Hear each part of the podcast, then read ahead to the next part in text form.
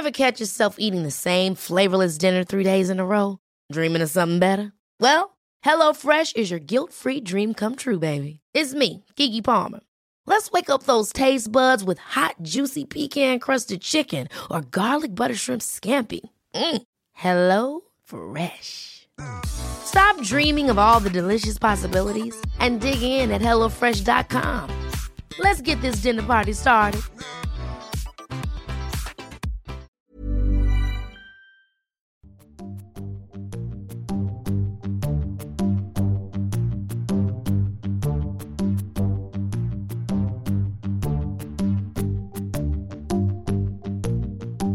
Välkomna till ett nytt avsnitt av podcasten Cyril och Stig i otakt med samtiden. Podcasten produceras av Storywood. Dagens gäster är vi själva.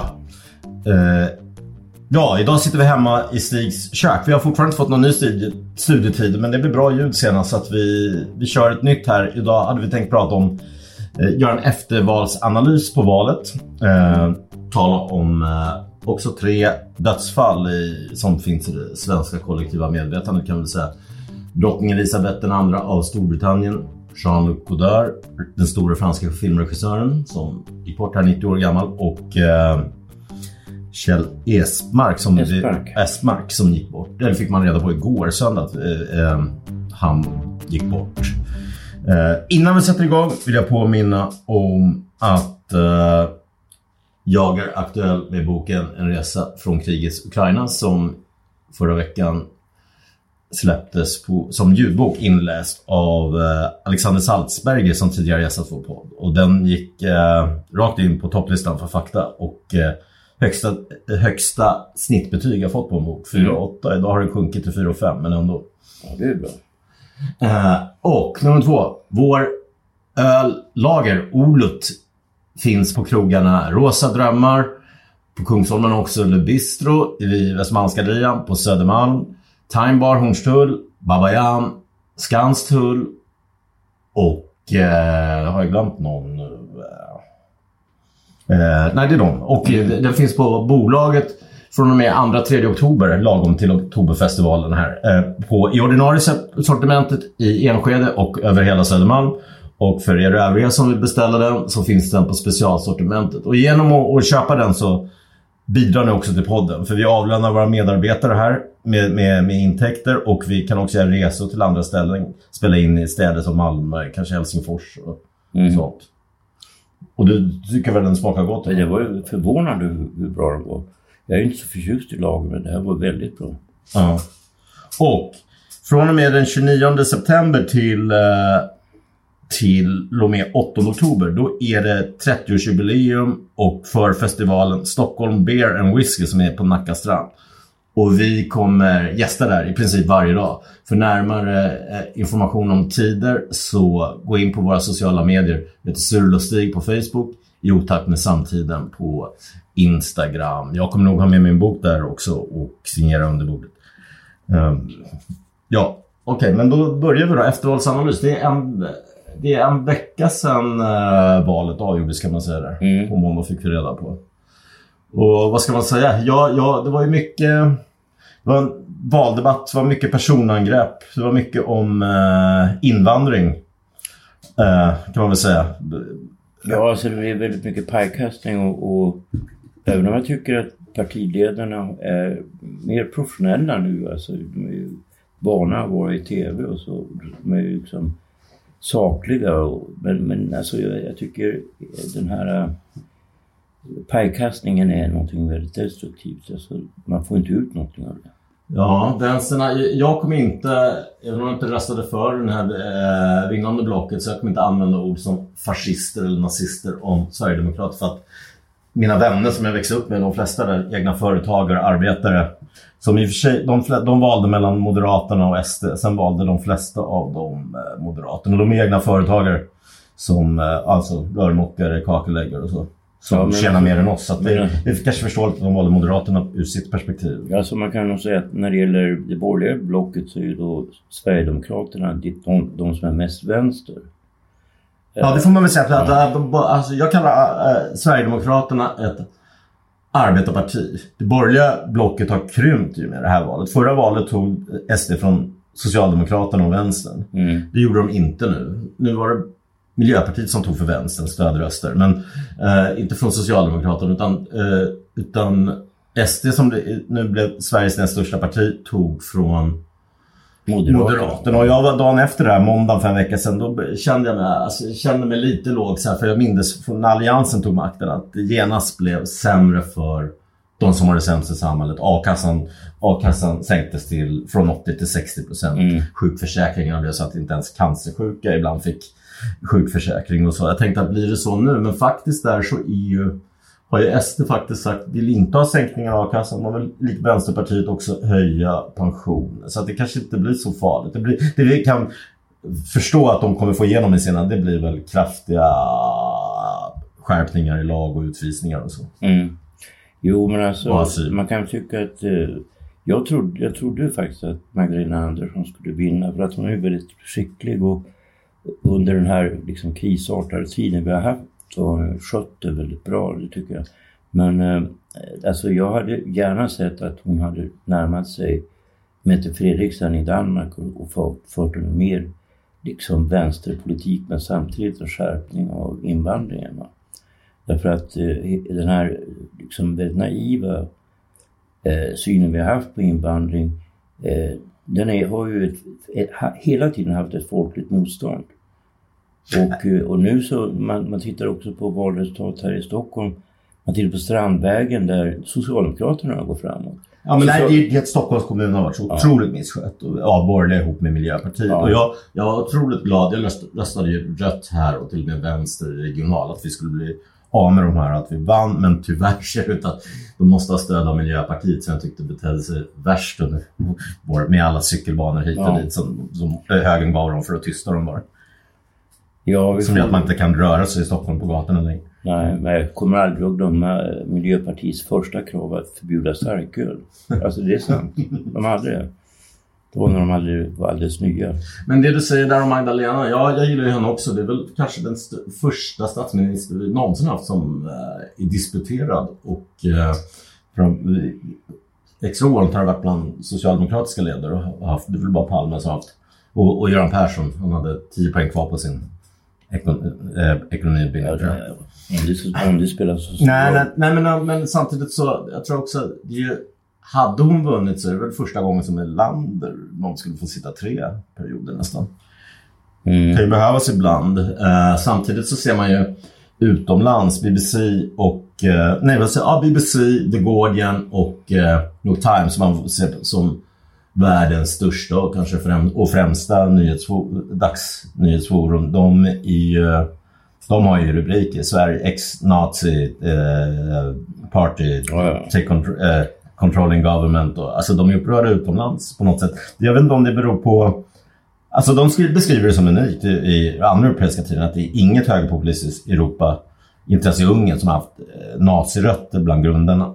Eller gyllene Ja, gryning som förbjöds sen i Grekland. Ja, men alltså det där, alltså jag tycker det där är överspelat. Jag menar, det är ju så att när Ny Demokrati krossades kan man säga av media, eh, så vilka återstod då som kunde föra fram det här eh, som ändå en majoritet av svenska folket tyckte, nämligen att vi hade för stor invandring. Eh, så måste man ju då, då säga att då, de enda som skulle kunna ta upp den frågan, det var ju människor som hade den, den bakgrunden. Alltså en brun bakgrund. Och det är ju förfärligt. Alltså jag menar, det grundar sig egentligen på att det fanns ingen som helst lyhördhet för vad folket egentligen tyckte. Jag såg en italiensk dagstidning Italien får då själv en högerpopulistisk regering tror jag, inom några veckor här. Men de hade besökt Sölvesborg och här finns inte en enda offentligt konstverk och sådär. Men det man väl kan säga om det är att eh, de kommuner där SD har haft full kontroll över, Sölvesborg och eh, jag tror det var Kristianstad, så har, eh, eller om det var Karlskrona, så, så har faktiskt ingenting har förändrats. Alltså jag tror inte det Sen är det, det har, kommun, kommunpolitiken påverkar oss människor eh, där vi lever mest på ett sätt. Men det, de, de gör ju inte lagar och sådär. Liksom. Nej. Alltså jag tror inte att det kommer att hända så förfärligt mycket. Det är svårt att säga. Alltså, eh, det, det beror ju väldigt, väldigt mycket på vad som händer i övrigt i utrikespolitiken och sådär. Så vad som händer i Europa. Om kriget fortsätter i Ukraina kommer det att få konsekvenser som är större än, än, än det här valresultatet. Men du pratar om så här, typ med flera år vanligt. Och nu, alltså man, det finns ju två sätt att se på det här med invandring och, och vänstern. Att nu skriver ju eh, vänsterskribenter och så här, vi, såg, eh, vi gjorde ingenting och liksom och det här som du har pratat om i flera år när vi har haft podden, vad vanliga människor tycker på Rås och så. Mm. Dels är det ju den grejen som du säger att de kanske borde gått mer åt Danmark. Så. Och det hör jag från danska kollegor däremot nu efter valet. Håller Sverige på att bli som Danmark? Håller Sverige på att bli som Danmark? Mm. Uh, däremot kan man säga om Danmark att uh, där fick de också 20, uh, uh, vad heter det, Danska Folkepartiet 2015 20 procent men har sjunkit tillbaka till 8 procent. Ja, men det är ju därför att Socialdemokraterna har tagit upp mycket, mycket av deras politik. Samma sak i Finland med, Det- det vad heter de, Nyfinländarna? Alltså, alltså, Samfinländarna. jag, alltså jag skulle tro att eh, Socialdemokraterna kommer att förändra sin politik mer åt Sverigedemokraternas håll för att inte marginaliseras helt. Därför att eh, som det ser ut nu, alltså, framförallt gäller det LO-grupper. Eh, från början fanns det väl en sorts tabukänsla att man inte, inte skulle rösta på Sverigedemokraterna. Det var ju också så att folk fick, eh, de- fick förlora sina jobb och så och de gick ut med att de var Sverigedemokrater.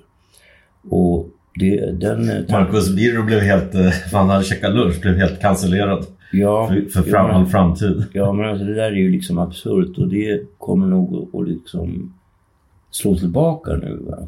För jag tror att det som kommer att hända det är att eh, Socialdemokraterna kommer att ta upp mer och mer av Sverigedemokraternas politik.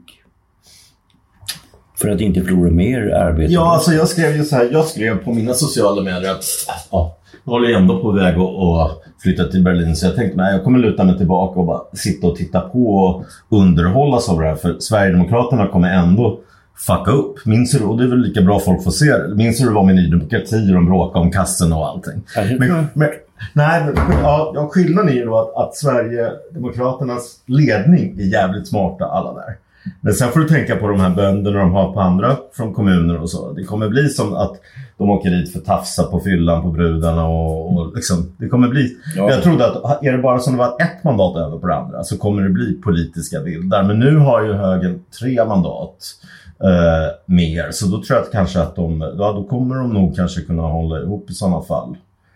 Eh, som en då den som är uppväxt med som är väldigt PK då skrev och eh, eh, det är så här, som feministiskt initiativ och, och en sån eh, men väldigt trevlig. Men han då befarar sig att nej, nej, nej, Sverigedemokraterna är smartare än så och i framtid, det kommer bli, i framtiden kommer det bli två block bara, S och SD.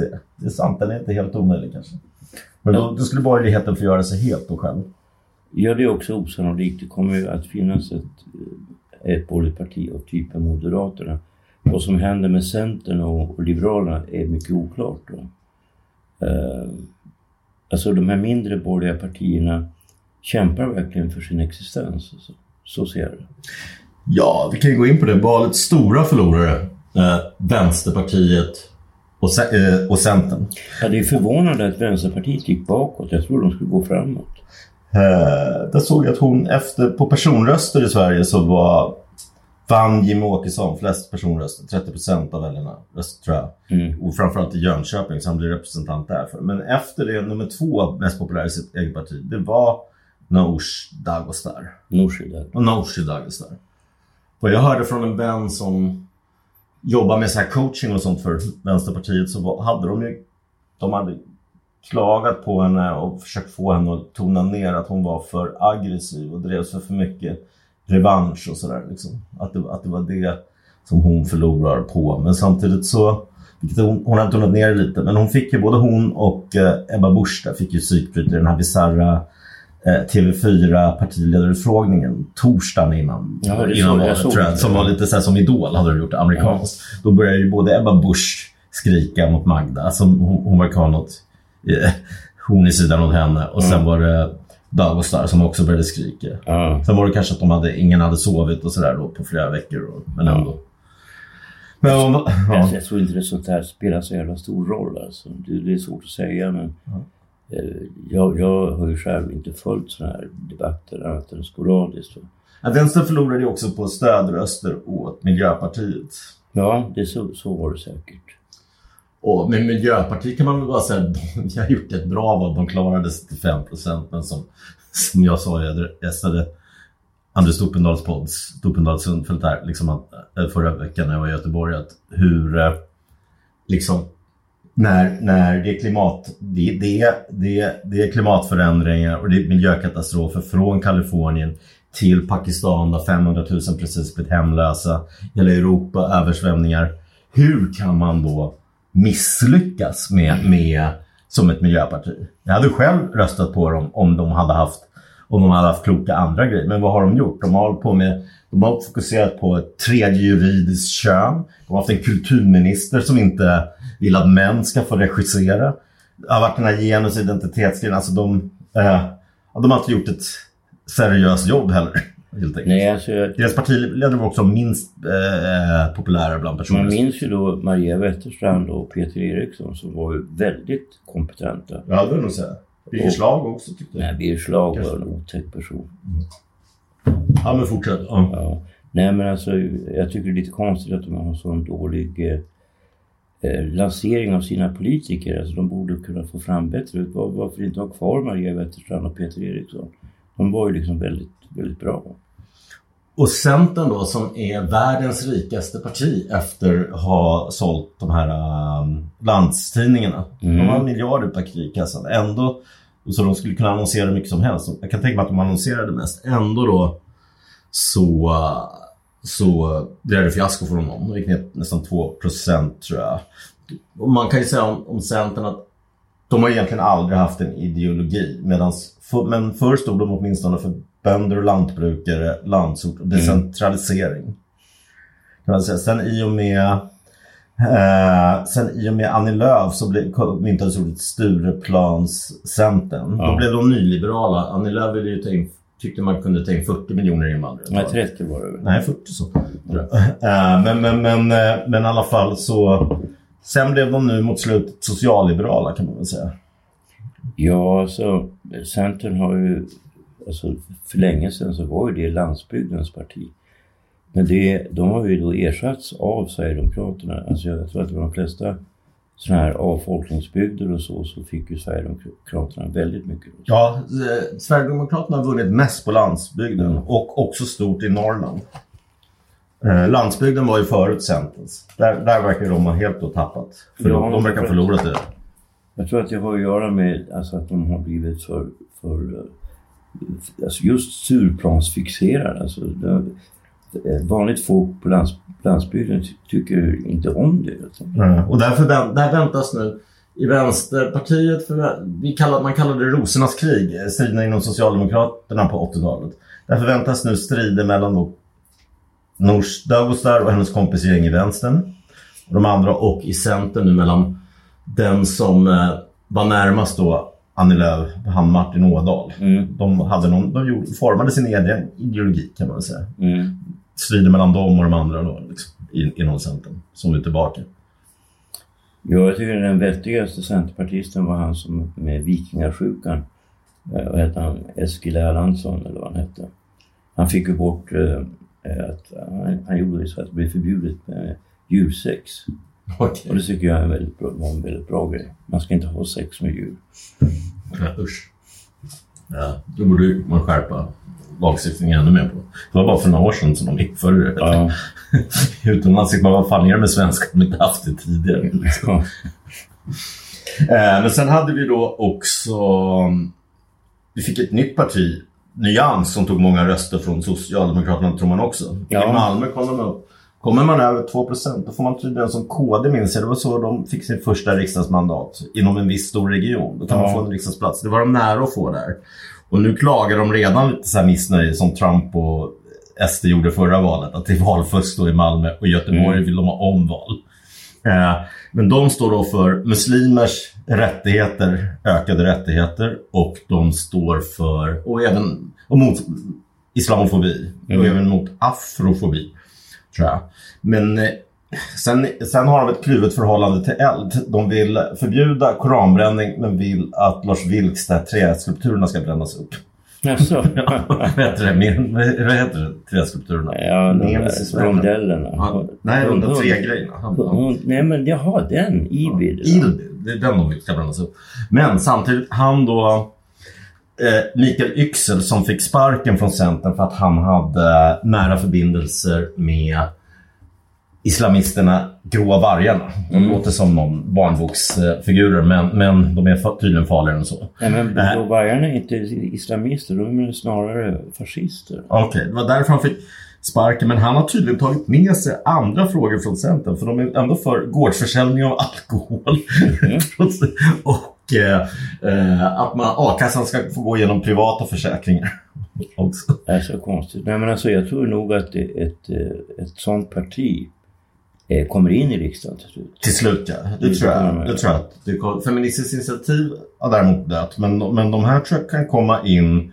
Eh, och då frågar jag, jag har lyssnat på en del humorpoddar och jag såg Navid också prata hur, hur ska SD och de här nyans eh, kan, kan ni tänka er dem ihop i riksdagen och så här i kommuner och så? Där vill jag säga, många gör sig lustiga över det här, men där vill jag väl säga då att i, i Israel, där, eh, som styrs av eh, Netanyahus högerpopulistiska parti eh, Likud, Likud, Likud, Likud heter de. Eh, där kom ju då förra året när man fick en ny regering med åtta samlingspartier. Där kom ju då det lilla islamistiska partiet Ram med som, som, eh, som eh, hyllar Muslimska brödraskapet bland annat och styrs av någon som heter Mansour Abbas. Och han har sagt att han gärna kan eh, arbeta med judiska nationalister. Och Israel har det funkat. Och man ser också på 60-talet USA, medborgarrättsrörelsen i USA, så hade ju Svarta Pantrarna och Ku Klux Klan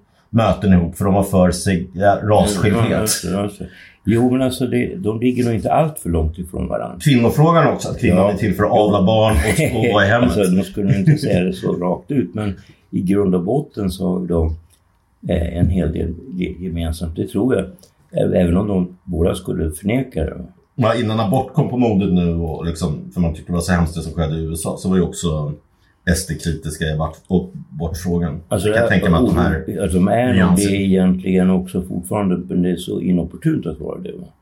Alltså de har ju tagit bort dem, den frågan bara för att de skulle förlora röster på det. Va? Eh, och det där med abortfrågan är ju jag väldigt konservativ som du förstår.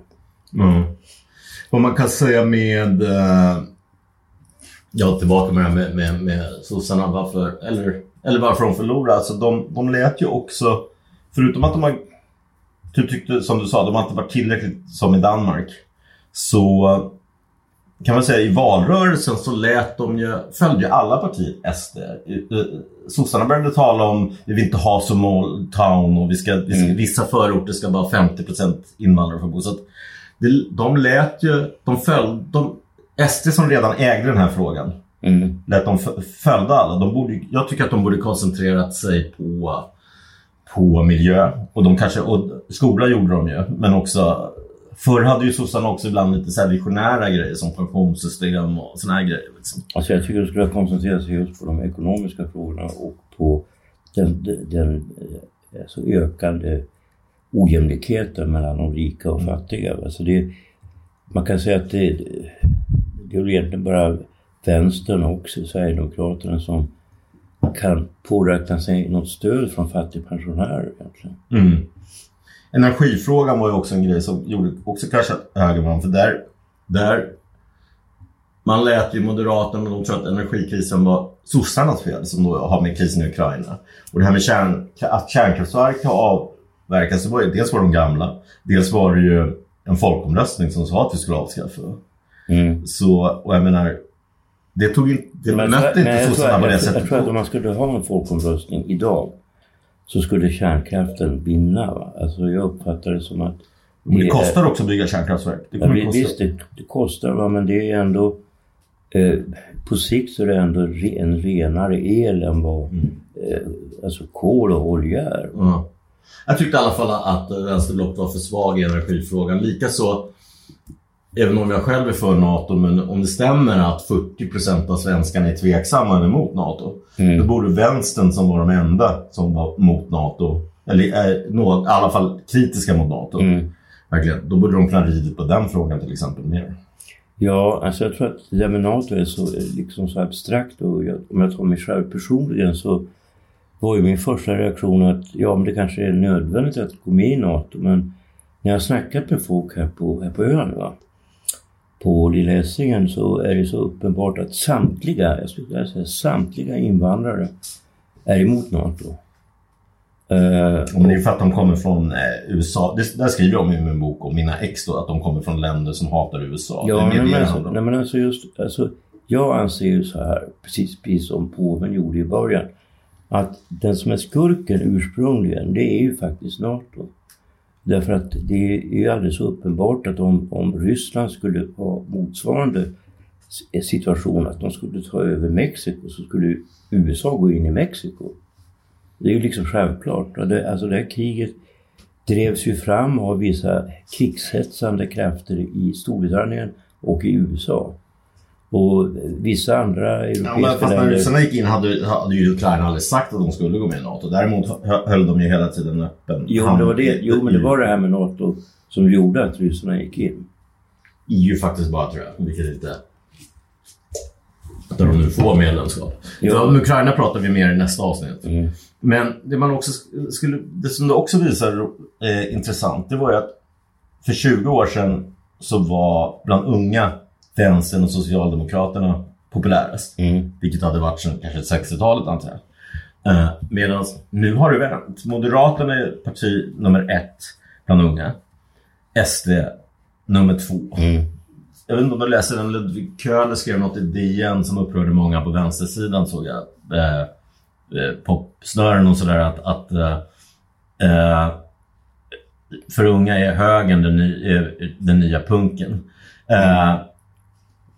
Eh, och eh, jag vet inte, om man jämför med punk per se, liksom vad punk verkligen står för. Jag menar, jag skrev en för svenskan om Iggy Pop för länge sedan, att, om, som punkens gudfar att om punk går mot strömmen så är Iggy det. Och där var, i USA var den ju New York, Cleveland och San Francisco, där var så, det, det var en konströrelse. Medan den i England blev, var en nationell skandal. Och i och med Thatcher, den var anarkistisk som i USA, mm. men ännu mer anarkistisk. Men med Thatcher och lågkonjunkturen så blev den ju vänster och inte minst vänster anarkistisk. Och det, det tror jag även den svenska punken eh, Ebba Grön och, ja, men det, och sen var, var lite åt det hållet. Ja, men det var, svenska punken var ju liksom delad i två läger. Mm. Eh, den ena läget egentligen var emot vänstern mm. också. Alltså alltså, man, man, var emot proggen. Ja, precis. Och så var man mer realistisk. Och sen kom det som, men det är en annan historia, de var så minimala na, nazipunks då. Men man kan väl säga det att eh, däremot var pun punkarna i och för sig väldigt individualistiska. Och dagens ungdom, SD har ju vunnit också för, i och med att de inte hade media på sin sida så har de i 10-15 år varit, eh, har de ägt sociala medier. Mm. Och särskilt nu TikTok och de här som unga håller på med. Henrik Pallas skrev idag om Expressen hur liksom, det var mycket, mycket Jimmie Åkesson och den här Tobias och den, även bland ungdomar. Ja, men alltså jag tror så här att, att de senaste årens, eh, alltså de här förnedringsrånen och osäkerheten hos, hos svenska, eller etniskt svenska ungdomar har drivit väldigt många eh, i, i famnen på Sverigedemokraterna. Eh, och när de inte då kanske vågar rösta på Sverigedemokraterna röstar de i alla fall på Moderaterna. Eh, jag tror att det där är liksom en backlash. Jag tror att det där mordet på Einar kommer att få en väldigt stor politisk betydelse. Ja, det är om själva den grejen invandring. Men jag tror också, vi lever ju också med sociala medier, Instagram och TikTok, väldigt narcissistiskt samhälle. Och även rapparna har idag blivit rika och, och liksom eh, eh, samarbetar med American Express och eh, bland unga är liksom Bianca Ingrosso som omsätter 50 miljoner som influencer. Hon är liksom idol.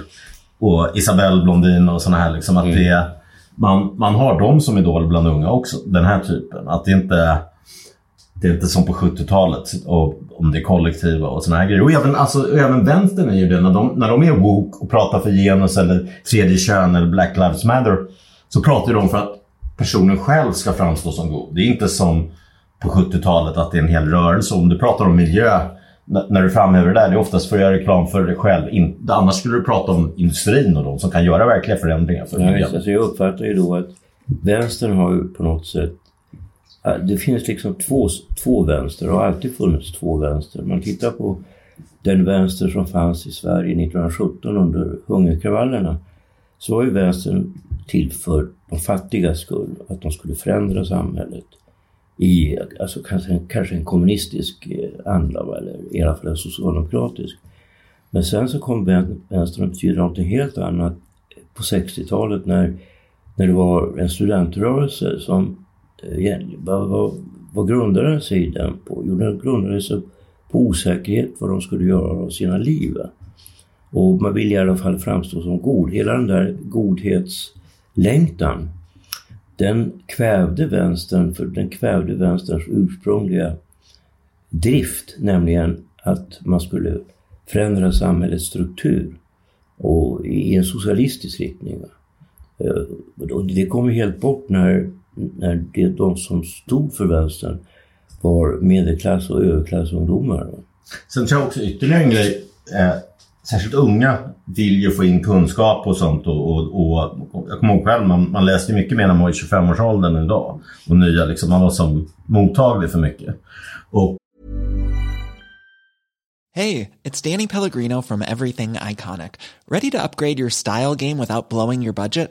Check out Quince. They've got all the good stuff, shirts and polos, activewear and fine leather goods, all at 50 to 80% less than other high-end brands. And the best part? They're all about safe, ethical, and responsible manufacturing. Get that luxury vibe without the luxury price tag. Hit up quince.com slash upgrade for free shipping and 365-day returns on your next order. That's quince.com slash upgrade. Ever catch yourself eating the same flavorless dinner three days in a row? Dreaming of something better? Well, HelloFresh is your guilt-free dream come true, baby. It's me, Gigi Palmer. Let's wake up those taste buds with hot, juicy pecan crusted chicken or garlic butter shrimp scampi. Mm. Hello Fresh. Stop dreaming of all the delicious possibilities and dig in at HelloFresh.com. Let's get this dinner party started.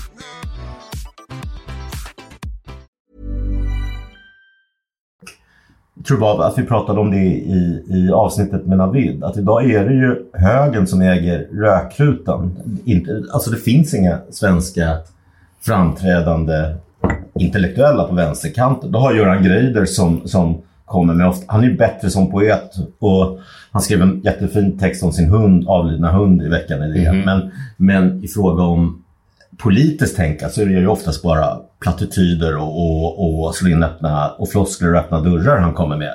Alltså, och det är bara han man låter vara i varenda eh, liksom, panel. Alltså det jag tycker är det stora problemet är att jag reste ju genom Sovjet då sista sommaren Sovjet fanns, 91.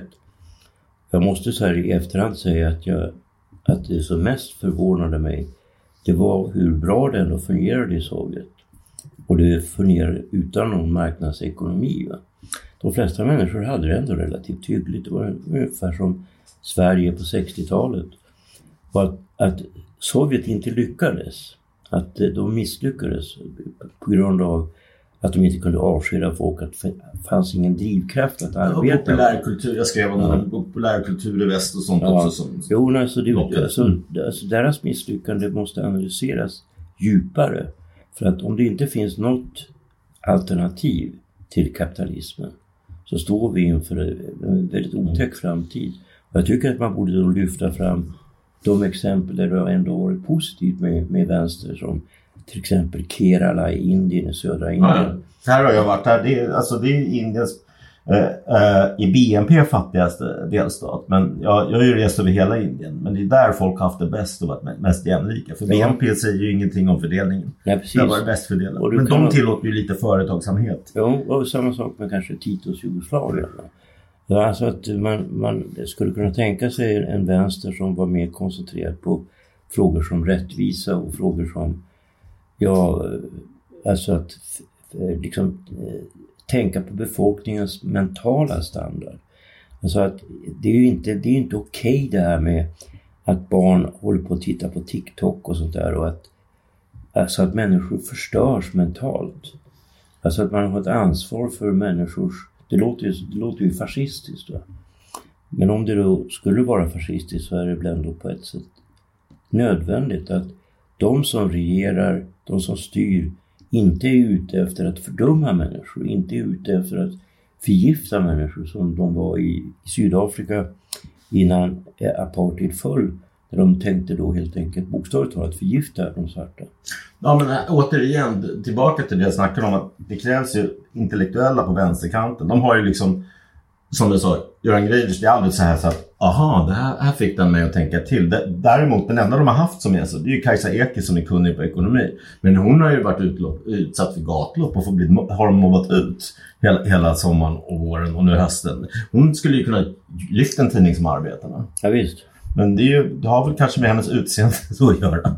Det, ja, det såg jag i kommentarer, de klagade på att man kan ta någon som ser ut så här. Och så kör en sån här bil. nej, röd sportbil, nej det funkar inte. Nej men alltså visst är det tragiskt att, att uh, vänstern är så pass dum va. Uh, jag, jag, kan inte göra något för att lyfta vänstern själv va? Men det är ju naturligtvis så att de, när man tittar på tidskrifter och så som jag tycker är värda att Access läsa. Har de så är det, ju, är det ju Access eller, mm. eller katolikernas signum. Som, och möjligen Fokus. Mm. Och det är ju borgerliga tidningar. Mm. Ja, eh. Signum är kanske inte borgerlig. Signum är egentligen eh, nästan vänster. Jag tycker Fokus också förhållandevis objektiva. Daniel Suhonen, det är sådana som mig, Edenborg, ja. som skriver för dem också. Den är väl mer kanske ja, fritänkare. Ja. Men vad jag skulle säga. Eh, men där också i fråga om media har ju, det är ju också ytterligare ett fel tror jag från vänstern att, eh, eller varför unga valde bort vänstern. Att unga vill ju ha någon form av revolt mot vuxensamhället och när, när all media slickar det styrandes arslen så, så det kan väl också en orsak att unga vänder sig bort. Ja. Och fördömer oppositionen på ett annat sätt. Fast jag, fast jag tror att det viktigaste, jag, jag förvånades över att de unga i så stor utsträckning röstade på Moderaterna och Sverigedemokraterna. Men jag tror att, det, att den, den bästa förklaringen är rädsla. Och att, de, att, det, att det är så många som har farit illa av eh, de här eh, alltså, motsättningarna mellan vita och svarta, framförallt på, på landsorten. Va? Så små, små orter där eh, alltså invandrare har tagit över gatorna. Va? Och det är klart att de unga som då har bott där och kommit, kommer därifrån upplever sig hotade och eh, upplever ett svek från vuxenvärlden. Mm. Det, alltså det är ju inget konstigt att det jo, är så. det är så. Det är, så är det. Uh, Okej, okay, om vi går in på kulturministern då. Det är ett, uh, eftersom vi ändå rör oss i den världen, det är det som brukar ha minst status av det styrande partiet och vilja ta ansvar över. Mm. Jag tror ändå Ulf Kristensson känns mer, jag har förstått att han ändå läser böcker. Han känns mer, han känns som han har lite koll på, på, på kultur. Han köpte in ett verk av Julia, jag tror det var när han var socialminister. Men mm. det kan också ha varit där när han var när han sålde ut Stockholm där för några kronor till sina vänner och utreddes för mutor mm. kommunalborgarråd. Men jag läste också en intervju för några år sedan. Då var det, vilken bok läser du just nu? Då var det den här Vera von Essens debut som Vars raison d'être var väl egentligen tyckte jag att hon, hon, hon, äh, hon stå, ståkade dig. Ja, hon ståkade mig. Ja. Jag fick en fadd smak. Så att, den var ju välskriven men jag fick en fadd smak för att jag tycker att så här gör man inte. Och, och jag menar, den hade aldrig blivit utgiven om det inte hade det var det bärande temat. Så att, antingen har hon ett gott öga till dig eller ett ont öga till dig. Ja, det vet man aldrig. Nej men alltså jag tycker Essen, hennes senaste böcker är ju bra. Alltså. Hon är ju intelligent. Det kan ju vara att han då har vänner med hennes överklassfamilj, att han läser den som skvaller. Men eh, någonting säger mig att han ändå har lite koll på politik. Eh, SD har ju länge, det är ju nästan deras huvudfråga, de vill ju äga den här, de vill göra om kultur, kulturen. Och jag märker ju då att, eller de vill Ja, men, eh, vad ska jag, man... tror, jag tror inte de har någon särskild... Alltså de här grejerna om, om folkdans och så. Det är bara något de kör med. Jag tror att de har helt enkelt inte varit särskilt intresserade av och det är liksom lite konstigt för att det finns ju öppningar för SD om de vore intresserade de, av... De har ju studerat, Mattias Karlsson har ju studerat Gramsci och så här liksom hur, hur vänstern sig av populärkultur. Så att, så att, och det, ju, det, har jag ju själv sagt att det är ett sätt att vinna nya. Sen har ju också kulturpolitiken, i och med att sossarna inte har, har efter Pagrotsky har de inte värderat kulturen när de gav den till Miljöpartiet. Jag menar Mm. Alice Bah Kuhnke då som skulle få män och, och med ihop med Anna Serner att de skulle förbjuda film för män. Den här styrningen då utav, utav Filminstitutet Ja. som Jean Frick sa. Det ena hade någon fråga om och liksom eh, de har redan, de har redan liksom kulturministerfrågan är liksom förstörd och Filminstitutet är förstört och, och såna här grejer. Att eh, där kan man ju också säga, jag ser på DN och sånt, alla pratar nu om, när det spekuleras om ny kulturminister, alla vill ha Christer Nylander för att han har en bred kultursyn och han har läst Proust och så här, men bred, ja det kan väl inte bli snävare än vad det var under Alice Bah Kuhnke då? Att, att det ska bara vara genus och vissa raser i vissa filmer. Vi får, på, på, när vi Grammy-belönar en film så är det någon film eh, gjord i Costa Rica om en tjej som onanerar i skogen i 20 år. Så, alltså, Ja, och film är ju något som ändå vanliga människor ser på. Ja visst, men alltså, den här, den här eh, miljö, an, andra miljötjejen, Ann Linde. Eh, ja, men hon med det konstiga håret, hon var väl ändå ganska bra tycker jag. Jo, men det, här har vi också sett med, med vänstern hur de har pikat i dumheter. Hon blev ju då... Eh, henne var man arg på för att hon hade approprierat afrikansk kultur med att hon var vit dreads. ja, men då har ju såna här grejer att vänstern har pikat i dumheter. 16-åringar, könsbyten. Eh, ja, men det är såna grejer tror jag som förstörde för dem också.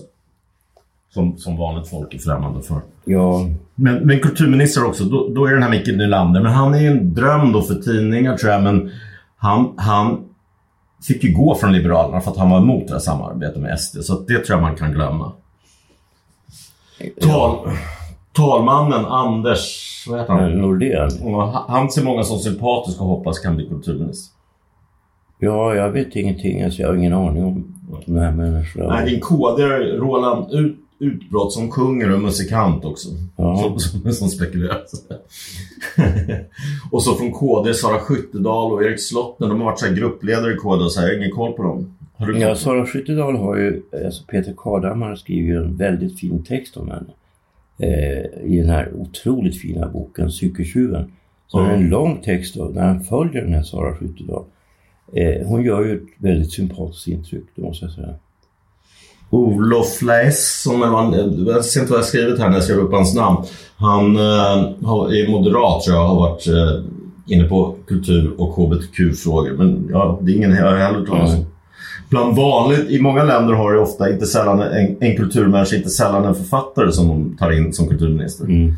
Där har det då eh, spekulerats i din vän Horace Engdahl eller Ann Hebler. Båda de ser ut som skulle kunna bli två friska släktare. Ja, det vore ju roligt, men jag tror nog... Ann ni jobbar i Moderaternas kansli som de gästade Ja. vår podd. Jo, men alltså Horace, han skulle bli väldigt förskräckt. Jag är helt övertygad om att han skulle tacka nej. Eh, Men det vore ju, tycker jag, en ganska rolig idé. Mm, mm.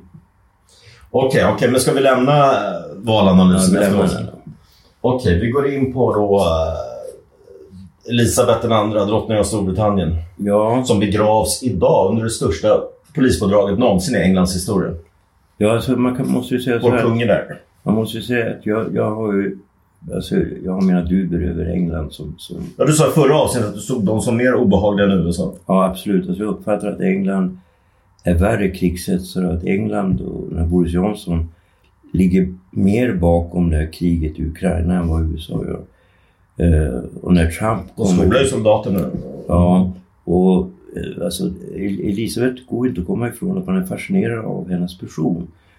Jag såg den här filmen The Queen eh, när Helen Mirren spelade i Elisabeth och hon är ju alltså man kan ju säga så här att det går inte att komma förbi Storbritannien som, som imperium och som makt och som eh, har en viss aura. Va?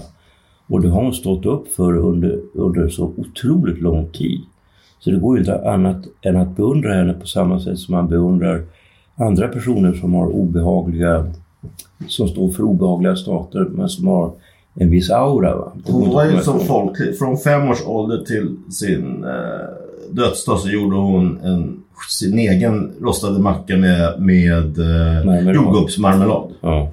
Och, sen, och drack också i vuxen ålder då varje dag en Dramamine ja, hon, hade ju, hon var ju, på eftermiddagen. hon var ju en, en väldigt eh, fascinerande person, det måste man säga. Hon föddes då 1926 då Storbritannien, brittiska imperiet var en fjärdedel av jordens yta. Ja. Eh, Så hon var ju en del av, alltså när jag läste, det var ju, det var ju hyllningar på hyllningar när hon dog här. Och särskilt i USA som inte har något kungahus. Så var de ju också eh, eh, väldigt eh, fascinerade. Jag kommer ihåg när jag var ung och jobbade som guide så var det ju så här typ att fransmän och amerikanare de frågade efter kungahuset för att de inte ville ha något, äh, för att de inte har något eget. Mm. Japanska och, och tyska män minns jag frågade efter prostitutionsstråket Malcolmsgatan.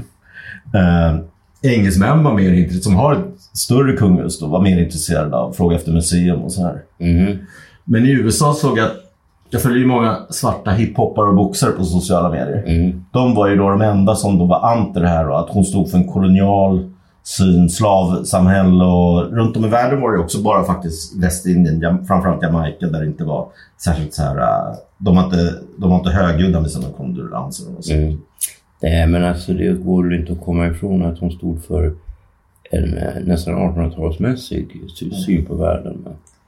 Ja, det fin- alltså, men samtidigt var en del av övergången. Alltså, Churchill var väl den sista där. Han hade ju samma syn på, på indier som Hitler på judar nästan. Mm. Och jag, jag visste det inte utan det, det, det lärde jag mig för några veckor sedan. Just i det här med, med folk som var kritiska till. Att I Kenya fanns det koncentrationsläger tror jag. Jo, jag menar, Jag trodde det var engelsmän- väljarna som... Engelsmännen betedde sig verkligen vidrigt i, i Afrika. Och uh, överhuvudtaget, alltså England, England har väldigt stor skuld och det ser man ju också hur, hur lite kontakt de har med tredje världen.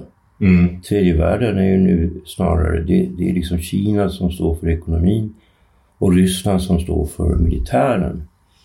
Eh, och, och det där är nå- någonting som inte kommer fram så mycket i media idag i Sverige.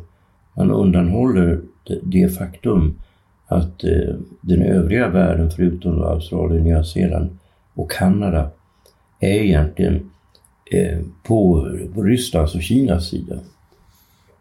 Eh, Det där tar vi i Ukraina-avsnittet nästa gång. Men eh, vi kan fortsätta. Jag bara, jag bara listar här alla kriser hon ändå har klarat sig igenom och England igenom. 1956 då, eh, strax efter hon har tillträtt som, som, eh, som några år efter hon tillträtt som drottning. Mm. Så eh, innan då, precis innan hon tillträdde, har man mist Indien som var kronjuvelen i det Mm. brittiska imperiet. Men den kronjuvel nummer två är Suezkanalen som man har ihop med fransmännen. Då utbryter Suezkrisen. Och eh, Egyptens president Nasser då är allierad med Sovjet. Mm. Men Frankrike, eh, England och Israel som ser Egypten som sin, sin eh, eh, huvudfiende anfaller Egypten. Och de till och med bombar Kairo. Men det, det är en lyckad militär operation. Men USA då som antagligen ser sig, de har, de har Eisenhower som en eh, general då Mhm. också. Eh, som, som president och ser sin tillfälle nu att bli herre på täppan i världspolitiken. De tar eh, de tar Sovjet, eh, går på Sovjets sida och kritiserar den här. Ja, och FN. Visst, ja. Så det här får avbryta, det blir en FN-insats. Så det, det blir ändå att man förlorar Su- Suezkanalen. På 60 eh, på 60-talet kommer de andra då att då har du om du fortsätter med, med, med, med den afrikanska kontinenten så mister man Ghana, Rhodesia som delas upp i Zambia Och Zimbabwe. och, Zim- eh, nej, ja, i, i Rhodesia och, och, och Zimbabwe. Eh, Alltså, alltså, Rhodesia blev ju sen Zimbabwe. Ja, Zambia, ja, men det, delades upp i två. Eh, och S- Sydafrika, eh, jag tror det är 62 att man förlorar Sydafrika, men, men då, något år efter då, man har förlorat Sydafrika. Apartheid som du sa till mig redan, det hade redan börjat. Men här blir apartheid på pappret i liksom Mm. konstitutionen. Eh, så det är inte England bakom. Däremot så den enda seger man kan säga med kolonialmakter efter som kommer, det är 94 när Sydafrika har blivit anständigt. Eh, då vill Syda och fritt vill Sydafrika joina det brittiska Mm, imperiet mm. igen. Men på 60-talet har du också de här uh, spionskandalerna. Ja, Eh, det. och Philby, vad hette de? Philby, Burgess och det var han Blunt som också var drottningens konstexpert. Ja, Så det blir extra, det blir extra mycket skandal. Eh, på 70-talet har också ministrar som hittade, det var någon tror jag, hade det var någon homosexskandal där. Om det inte var någon... Men någon som hade ett, ett apelsin i munnen. Och... Ja, apelsiner i munnen och mordfall och såna här grejer. Mm. Dels har du det. Sen har du IRA, det minns jag från egen uh, uppväxt. Det var ju Irla, Irlandskonflikten går tillbaka till 1100-talet. Men Nordirland då efter att Nordirland blev brittiskt och det andra självständigt 1921-22 och det kriget. Mm. Vars, min Ukraina-bok inleds för övrigt med en dikt av Yates, Second Coming från det kriget mm. 1922. Men då är det Nordirland-konflikten. Du har också in, inför 25-årsjubileumet av drottningens eh, trontillträde då, 76 eller 77, kommer, kommer Six Pistols med sin låt God Save the Queen eh, som ett finger upp mot, mot monarkin. Mm. Och Anarchy in the UK och, och de spelar den på Themsen, Malcolm McLaren får inför jubileumet utanför. Och det är antirealistiska stämningar och det är Thatcher som är en kvinna av medelklassen som styr Torres men som är stor beundrare av drottningen. Så drottningen tyck, tyckte nästan att det var pinsamt tydligen, läste Akelius skrev. Att hon var för liksom, devot mot drottningen mm. och ville vara drottningen ungefär. Eh, också, tyckte en del. Men i alla fall, där hade du ju, det var ju nästan nära inbördeskrig där, så, så, sådana liksom, vad jag förstått mellan arbetare och så i, i England under alltså, slutet på 70-talet. Det var ju väldigt spänt alltså, det var ju, alltså med kolgruvstrejkerna och, mm. alltså, och jag är ju då Undrar om inte det kan upprepas nu i, i vinter beroende på vad som händer med ekonomin och, och, och därmed alltså gas, eh, värme. Ja, Sverige står inför en elkris. Trots ja, att det alltid varit så. Alltså, I England, England det kommer att vara ännu värre. Och när jag var där på språkresa kommer jag ihåg att man stoppade mynt i ja, elen. Om det är så fortfarande kan det Jag vet inte men, men alltså det, det England är ett, som jag ser det ganska, alltså England är i grund och botten väldigt konservativt. Även de kan man säga, lägre klasserna är väldigt liksom inriktade på, att, på den här hierarkin. Hierarkin är på något sätt liksom statisk i England. Va? Men jag tror att det kan hända saker där. Just på grund av att har liksom, man har liksom ungefär som man, man lägger cement över någonting. Va? Mm. Man försöker gömma någonting. Konflikterna i England är så pass alltså dramatiskt stora va? eftersom det är så fruktansvärt stora inkomstskillnader. Mm. Så tror jag att det, det kan hända uppror. Alltså. Mm. Kri eh, kriserna sen för drottningen på 80 och 90-talet det är då hennes söner som alla tre skiljer sig. Vilket inte, i realistiska kretsar inte ses som lyckat. Mm. Eh, och då, och där, två är väl två är väl riktiga skandaler då dels är det Shaw som, som eh, avlyssnas av brittisk tabloidpress. Han vill vara den här, eh, vad heter hon? Oden, sin ungdomskärleks tampong. Cam Camilla. Camillas tampong. Kan ja. tänka dig sig. och sen, men sen nummer två nu senare, som var drottningens favoritbarn, Andrew. Han har torskat för eh, för att ha köpt unga prostituerade sexslavar hos den här Epstein som ja, alltså, jag, jag, jag, försvarar ju honom. Alltså, alltså han, Där har fått göra upp i godo så att han är skyldig så det Nej men han är inte alls skyldig. Han, han, han har inte gjort någonting. Alltså, Ska jag alltid försvara kungen? Nej men alltså just den där Andrew tycker jag verkligen synd om. Så han träffar en tjej. Han var också hjälte från Falklandskriget. Ja. Annan krig som klarar igenom. Alltså han, han, han, han träffar en tjej va.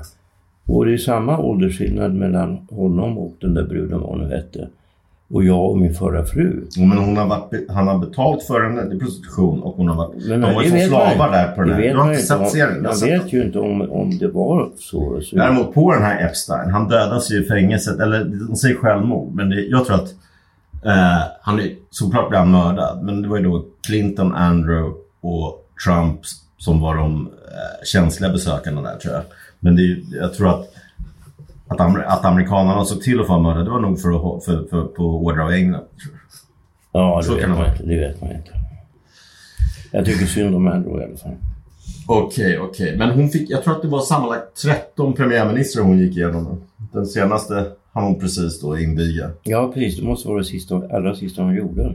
70 år på tronen. Så att, mm. ja, man kan väl säga att det brittiska jag vill inte säga som de här äh, svarta rapparna och sånt som ändå liksom tycker att de stod för koloniala. Tvärtom så avskaffades väl det brittiska kolonialsamhället helt under hennes tid. Ja, men det var, ju, Man går in i inget, en det, var ju, det var ju ingenting som hon så att säga eh, gjorde med en egen vilja. Det var ju bara ett faktum. Nej, nej, nej. Alltså det gick inte att Men behålla. det är en era som, som, som efter 70 år går i graven då när Ja. det blir, det som övriga världen. Alltså. Ja. Nej men alltså mitt slutbetyg åt henne är att jag är fascinerad av henne. Jag skulle, skulle gärna ha velat träffa henne. Eh, hon är en karismatisk person. Eller var. Ja. Dödsfall nummer två. Förra veckan gick Jean-Luc Godard bort. Ja just det. Jag, jag, jag har sett allt av Truffaut, men, men Godard och, och gillar, det är ju den och, och, och det är väl den som är min favoritperiod, franska dialogen. Alltså jag är mest, mest förtjust då i, i Godard och hans tio filmer. Från Abu de Souffle alltså till Sista andetaget. Eh, Banda Par, Ja, Rövarbandet. Amanda Per, den gillar jag. Och, Men det är mer eh, en komedi kan man väl säga. Gangsterkomedi. Ja. Jo men alltså de här, det hade, fanns en friskhet över den här, även när Virus vi leva livet. Eh, I de här tidiga 60-talsfilmerna. Jag skulle väldigt gärna vilja se om dem igen. Ja, jag, jag började titta. Carbonieren var den enda de hade på Netflix. Kollade på häromdagen. Det var det jag tyckte med Godard, att den var ojämn och mer pretentiös än Truffaut. Ja men sista andetaget var Truffauts manus för övrigt. Den, min, den var jag så ung jag såg. Jag minns bara snygga bilder på Jean-Paul Belmondo där. och Jean Seberg. Ja. Jo nej men alltså det var länge sedan jag såg hans filmer överhuvudtaget. Och eh, jag vet ju när vi intervjuade Kluge i, i Cannes, jag och Åke Sargren, så då sa han så här, det var ju lite sensationellt att han när han hade skrivit det här stora verket Effentlichkeit und Erfahrung med Oscar Necht så hade det varit en, en drivkraft att få Godard att återvända till de här sensuella filmerna han gjorde i början av 60-talet. För att det här var ju 76 när Godard hade haft, alltså han blev ju maoist och gjorde alltså väldigt konstiga filmer. Mm. Här. Ja, den här Stones-filmen för det är, väl, det är bara intressant för att se där Bevan in Black Panthers klipper in och sådär. Där- där- Den är bara intressant för att se Stones i sönderfall och Brian Jones utträde ur gruppen. Men Men, jag menar, så han, han, han hade ju på något sätt en period där, sen gjorde han eh, filmer alltså, på 80-talet och så. Men jag har alltså, skam till sägandes inte sett dem. Eh, alltså jag, jag, jag tror att det var i USA jag bodde inneboende någonstans och det fanns en filmaffisch från Alphaville. Så den önskar jag att jag hade sett. Att med, det var så snygg på, Ja. på Anna Karenina. Är den bra? Anna Karina. Karina. Den här dan, det var hans danska då. Huvudrollsinnehavare på 60-talet som han Ja. sen gifte sig med och som Ja. du har träffat. Ja, jag träffade. Var den bra Alphaville? Eh, alltid ja, den är väldigt, den är väldigt konstig men jag tyckte, jag tyckte det var, när jag såg den, jag har inte sett den på 50 år alltså. Mm. Så vad ska jag säga? Ja, hon som hjälper mig att lansera sig i Frankrike, hon ju, har ju jobbat med honom. Och Mhm. vad jag förstått varit lite musa åt honom. Mhm. Eh, men där har hon också, där, jag vet inte om hon säger det bara för att glädja mig, men hon har sagt att han varit, eller om det är hans företag som är villiga att gå in med pengar för att översätta Stef- min Stefan Jarl-bok till franska. Mhm. Så det är ju, jag vet att Widerberg, jag visste inte att han hade koll på Stefan Jarl, men Widerberg var ju nära Stefan Jarl. Mm. De jobbade ju också lite ihop. Och Widerberg hade ju hög respekt där i Cannes. Mm. Han blev ju, eh, fick ju palmen efter Elvira Madigan. Mm. Jag kan tänka mig att barnvagnen och Fredrik Korpen gick nog hem. För han satt ju vid samma bord som Truffaut och Godard och de Mm. såg som en jämlike där. Så jag tror att han hade väldigt bra koll på film. För det var ju något han gjorde ändå, Godard. Att han hela tiden experimenterade och försökte Ja. driva det framåt. Men jag vet inte hur, hur de här sista decennierna, hur, hur de såg ut och vad han gjorde alltså. Jag fick av den här fransyskan senaste manus på både engelska och franska. Alltså en, en väldigt lustig detalj som, en facsimil på manuset. som jag är väl en av de enda som, som minns det är att eh, Godards tredje recension 1950 i Caire Cinema eh, när han är 20 år är att han skriver ner en, en grej av Kenneth Anger som också är 20 år. Okej. Eh, en en eh, rekonstruktion av Que Viva Mexico av eh, Eisenstein. Okej. Det är ganska lustigt. Båda två 1950 är de 20 år. Och Kenneth Anger lever väl fortfarande. Det är liksom helt absurt. Annars hyllade ju de också amerikansk mainstream som Hitchcock, eh, Truffaut de gjorde en intervju men alltså, det, beror, det berodde på att du vet, amerikansk film var ju förbjudet under tyska ockupationen. Och det var egentligen först efter Frankrike blev fritt alltså ungefär 1945, som man började importera amerikansk film och då kördes Cinemateket eh, hela serier med vissa regissörer. Och det var så man upptäckte det där autörbegreppet.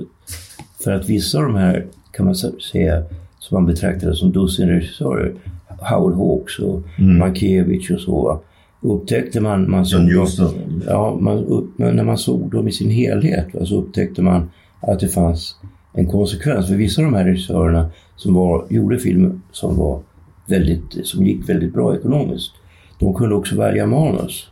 Och då så kunde man se att det fanns en, liksom en vilja bakom eh, till exempel Howard Hawks. Mm. Eh, alltså de är säger, fantastiska. Ja, mm. alltså de, när man ser dem så här så det man ser det, det, de är något mer välgjorda än andra. Hur ansluter Sabrina?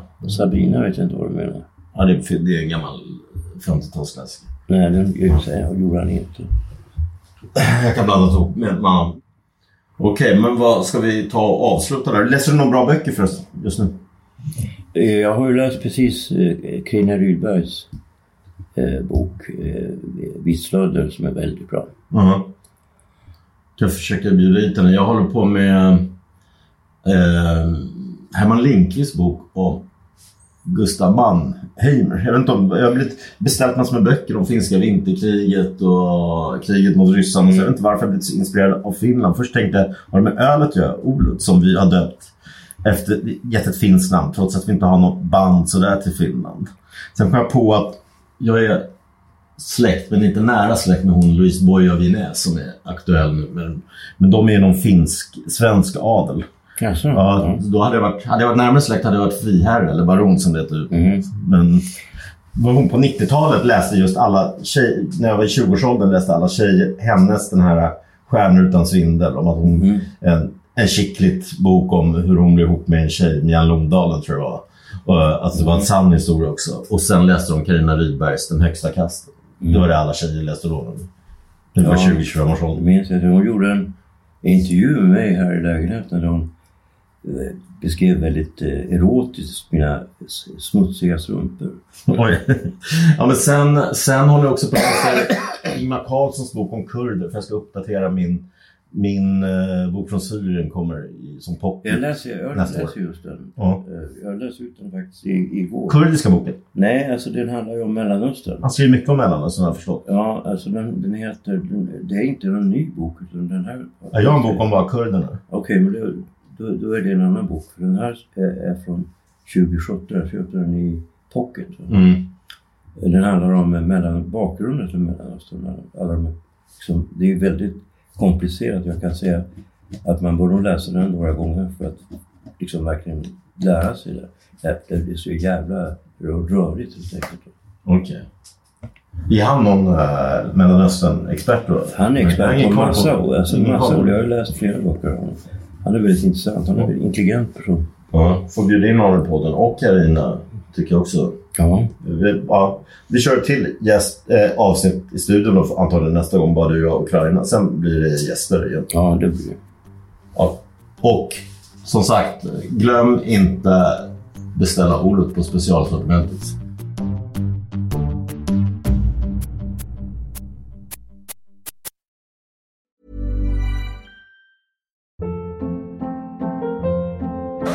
Hold up. What was that? Boring. No flavor. That was as bad as those leftovers you ate all week. Kiki Palmer here, and it's time to say hello to something fresh and guilt-free. Hello Fresh. Jazz up dinner with pecan-crusted chicken or garlic butter shrimp scampi. Now that's music to my mouth. Hello Fresh. Let's get this dinner party started. Discover all the delicious possibilities at hellofresh.com.